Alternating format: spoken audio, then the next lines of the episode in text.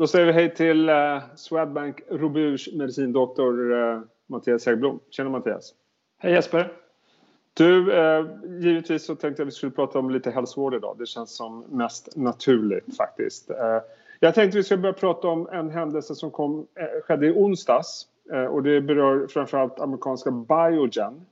Det kom, FDA kom med en information, ganska gediget sådant, kring deras Alzheimer-produkt. Och nu får jag läsa till. Aducanumab. Sa jag rätt nu? Korrekt.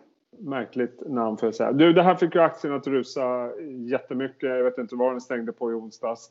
Hur betydelsefull är den här informationen? Varför såg vi en sån reaktion?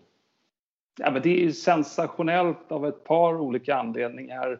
Eh, dels för att vi eh, verkar stå nära förestående för den första sjukdomsmodifierande behandlingen av Alzheimer som är ju en av de många folkhälsosjukdomar som fortfarande egentligen inte har någon form av bra behandling. Det finns ett par symptomatiska behandlingar som kom för en 15-20 år sedan så det har varit ett Ja, det har varit en eh, kyrkogård av besvikelser och bedrövelser och nedlagda projekt. Eh, och eh, dels så var det då eh, det faktum att FDA, som är då en regulatorisk myndighet i det här fallet, verkar i princip ha jobbat med att stötta sponsorn, i det här fallet Biogen, för att Eh, hitta rätt väg fram. Bakgrunden var ju att studien, de två fas 3-studierna initialt bedömdes som misslyckade i mars 2019 och sen under sommaren så jobbade man tillsammans med FDA för att se om det fanns någonting i det här materialet, om man kunde omanalysera data eh, som kunde tyda på att det fanns, ändå fanns en väg framåt. Och det är ju väldigt ovanligt att en regulator i princip går in och säger hej, vi kan hjälpa er.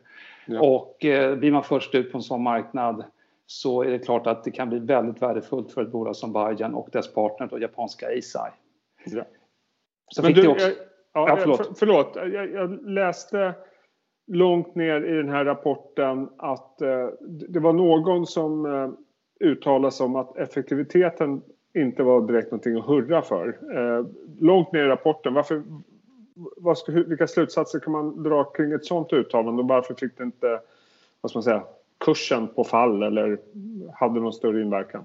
Just det, så de här dokumenten ligger till grund för den rådgivande panel som FDA har kallat till med experter inom fältet som ska sammanträda mellan 16.00 svensk tid på fredag och eh, eh fram till 22.30 då de ska fatta beslut. Och eh, FDA har ju ett team då med experter inom respektive division, sjukdomsområde som jobbar tillsammans och det är då dels medicinska experter men det är också Eh, Eh, statistiker, biostatistiker som är experter på just att analysera den här typen av studier. Och eh, den övervägande tonen från FDA, de medicinska eh, bedömarna, eh, var ju genomgående väldigt positiv.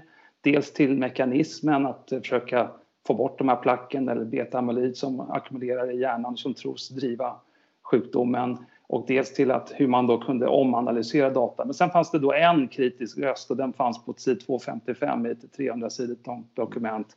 Biostatistikern som då var den enda som egentligen var kritisk, han tyckte att det här gick inte att konkludera. Det var ju en positiv studie och en negativ studie och det gick inte att göra bedömningen att det var den positiva som var det rätta. Och således så konstaterade den biostatistikern att det här måste vi göra en ny studie. En röst som då eh, tonades ner igår när marknaden tittade på data därför att den Eh, dominerande tonen från FDA i dokumentet var eh, så dramatiskt positivt eller så överraskande positivt. Och, baserat på din erfarenhet av den här typen av underlag kan man dra slutsatsen att sannolikheten att det här blir en godkänd produkt är stor? Ja, typiskt sett så är ju det här FDAs chans att ta fram allt kritiskt de har därför att få panelens eh, eh oberoende Eh, input på det. Och eh, att ha ett sånt här dokument från regulatorns sida som är så genomgående positivt är ju väldigt, väldigt eh, ovanligt. Så en del av tongångarna i USA var varför ska man ens ha en panel? FDA verkar redan ha bestämt sig för att godkänna det. Ett beslut de måste fatta eh, senast i mars 2021 men, men som tolkas eh, att kunna komma betydligt tidigare än så, kanske redan före årsskiftet. Okay. Och du, eh, svenska BioArctic eh, rusade också på den här nyheten. Hur påverkade det bolaget? Ja, men det som också kom ut av dokumenten var ju att eh, FDA, Läkemedelsverket i USA, är, är, tror väldigt hårt på eh, den här mekanismen. Eh, att eh, adressera, försöka blockera, ta bort de här placken. Och det finns ju många andra bolag som jobbar med samma mekanism och som har fallerat tidigare. Men efter jag var tydlig med att säga ett, vi tror på hypotesen, två, vi tror inte mm. att man ska dra slutsatser beträffande andra antikroppar under utveckling eh, bara för att andra misslyckas. Man har antagligen tagit lärdom, antikropparna är olika och man har tittat idag på en eh, mildare eh, population, det vill säga tidigare diagnostiserad eh, sjukdom.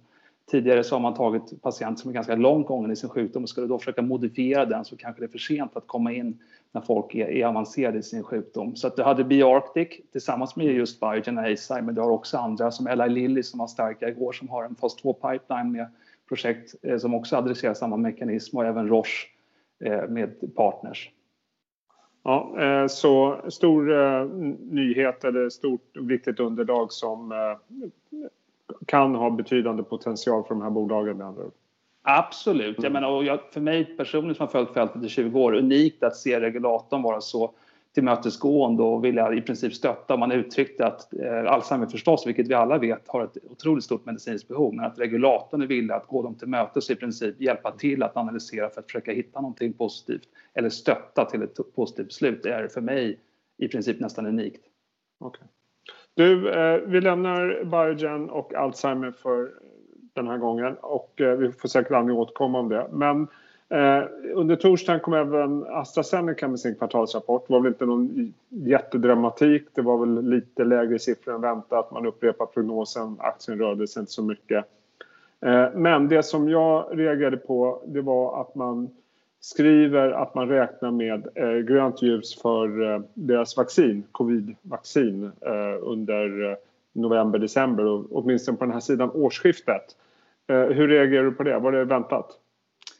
Ja, det är väl ganska väntat ändå. Det, det blev en osäkerhet förstås för bolaget fick ju ta en paus i enrollering av patienter mm. i, i den amerikanska studien Eh, Eh, då man hade eh, ett fall av eh, biverkan som behövde utredas och som senare den fick klartecken från regulatoriska myndigheter, FDA igen, att, rekrytera patienter. Tappade lite tid, men å andra sidan så är ju infection rates i de regioner, UK, USA och Brasilien huvudsakligen som man gör studierna i nu på, på snabbt stigande takt. Så att under augusti-september har man svårt att hitta, hitta patienter. Nu har det blivit enklare så att tillsammans med bolag som Pfizer, Biontech, Moderna och Johnson Johnson ska väl AstraZeneca tillsammans med Oxford University vara de fyra som i princip kan komma ut med data eh, före årsskiftet från sina första fas 3-studier. Och eh, om det här då blir en eh, godkänd eh, vaccin kring årsskiftet säger vi. Hur ser möjligheterna ut och vad är kapaciteten och liksom, vad kan vi förvänta oss för eh, utrullning av det här vaccinet? Ja, det var ju mycket av det på frågestunden i samband med telefonkonferensen med ledningen som kom att kretsa kring just det. Ni har ju tidigare lovat att ha betydligt större volymer än vad som nu har läckt ut från UK till exempel. Vad beror det på? Har ni problem med supply chain? Och svaret var väl ganska tydligt att nej, vi är on track, eh, men vi håller vår produkt, vår kandidat nedfryst tills dess att vi får de kliniska data och vet om det här funkar. Sen går man över och fyller då de här eh, flaskorna som själva eh, faktisk produkt ska vara i, det vill säga som inte är i fryst tillstånd. Och det är en process som tar ett par dagar. Men det gör att i och med att man fick den här förseningen i enrollering av patienter så kommer man inte heller ha lika många miljoner doser färdig produkt vid årsskiftet.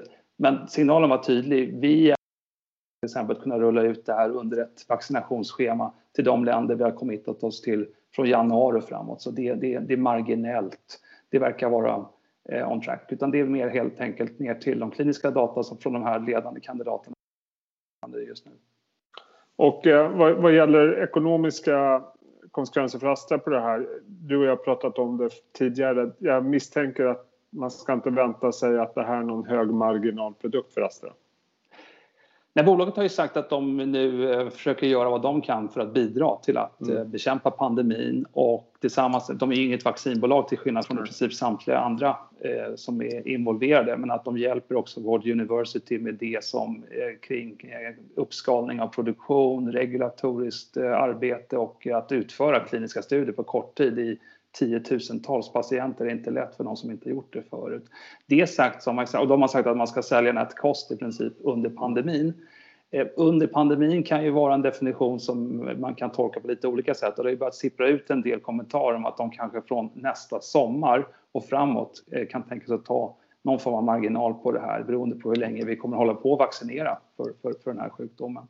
Men det kommer inte vara vinstdrivaren för ett AstraZeneca. Däremot kan man tänka sig att det kan vara Eh, en strategisk inväg för dem in i vaccinbusinessen. En del har spekulerat i att kanske om de har framgång här känner att de vill addera ett ben till och då skulle den här erfarenheten kunna vara en sån prövning för dem. Okay. Och vad säger du annars om Astra? Det här är ju ett bolag som Eh, ser ut att ha en hög värdering men jag vet att förväntningarna är ganska höga på att de ska gå in i en väldigt god tillväxtfas. Vad räknar du med för tillväxt för det här bolaget från kommande åren?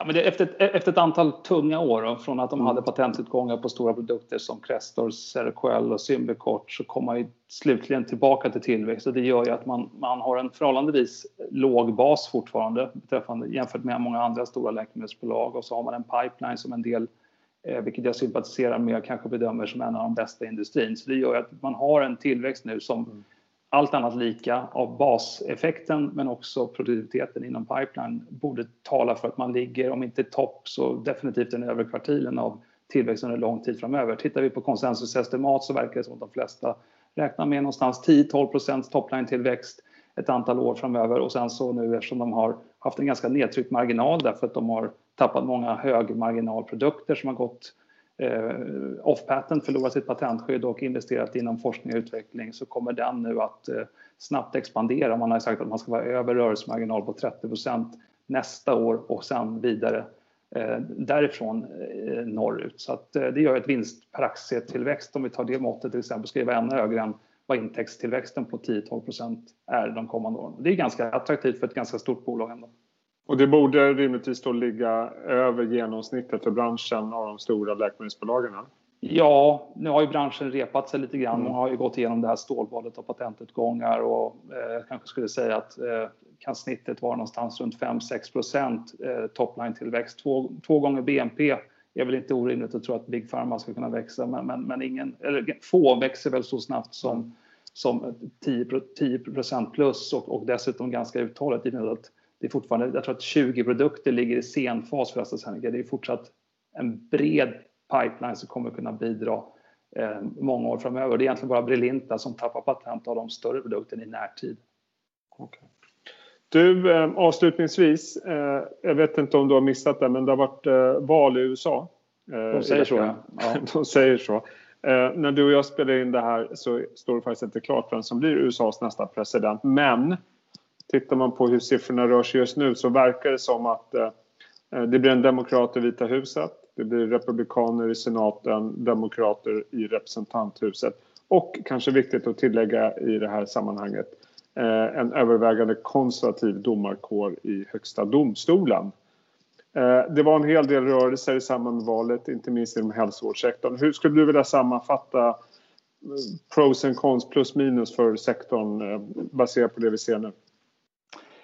Ja, väldigt mycket av läkemedelsbolagen och de stora bioteknikbolagen var ganska nedpressade sista månaden inför valet. Det fanns ju ändå en oro att det skulle bli en så kallad democratic sweep, det vill säga att vi fick en demokratisk president och en majoritet sådan för demokraterna i kongressen också.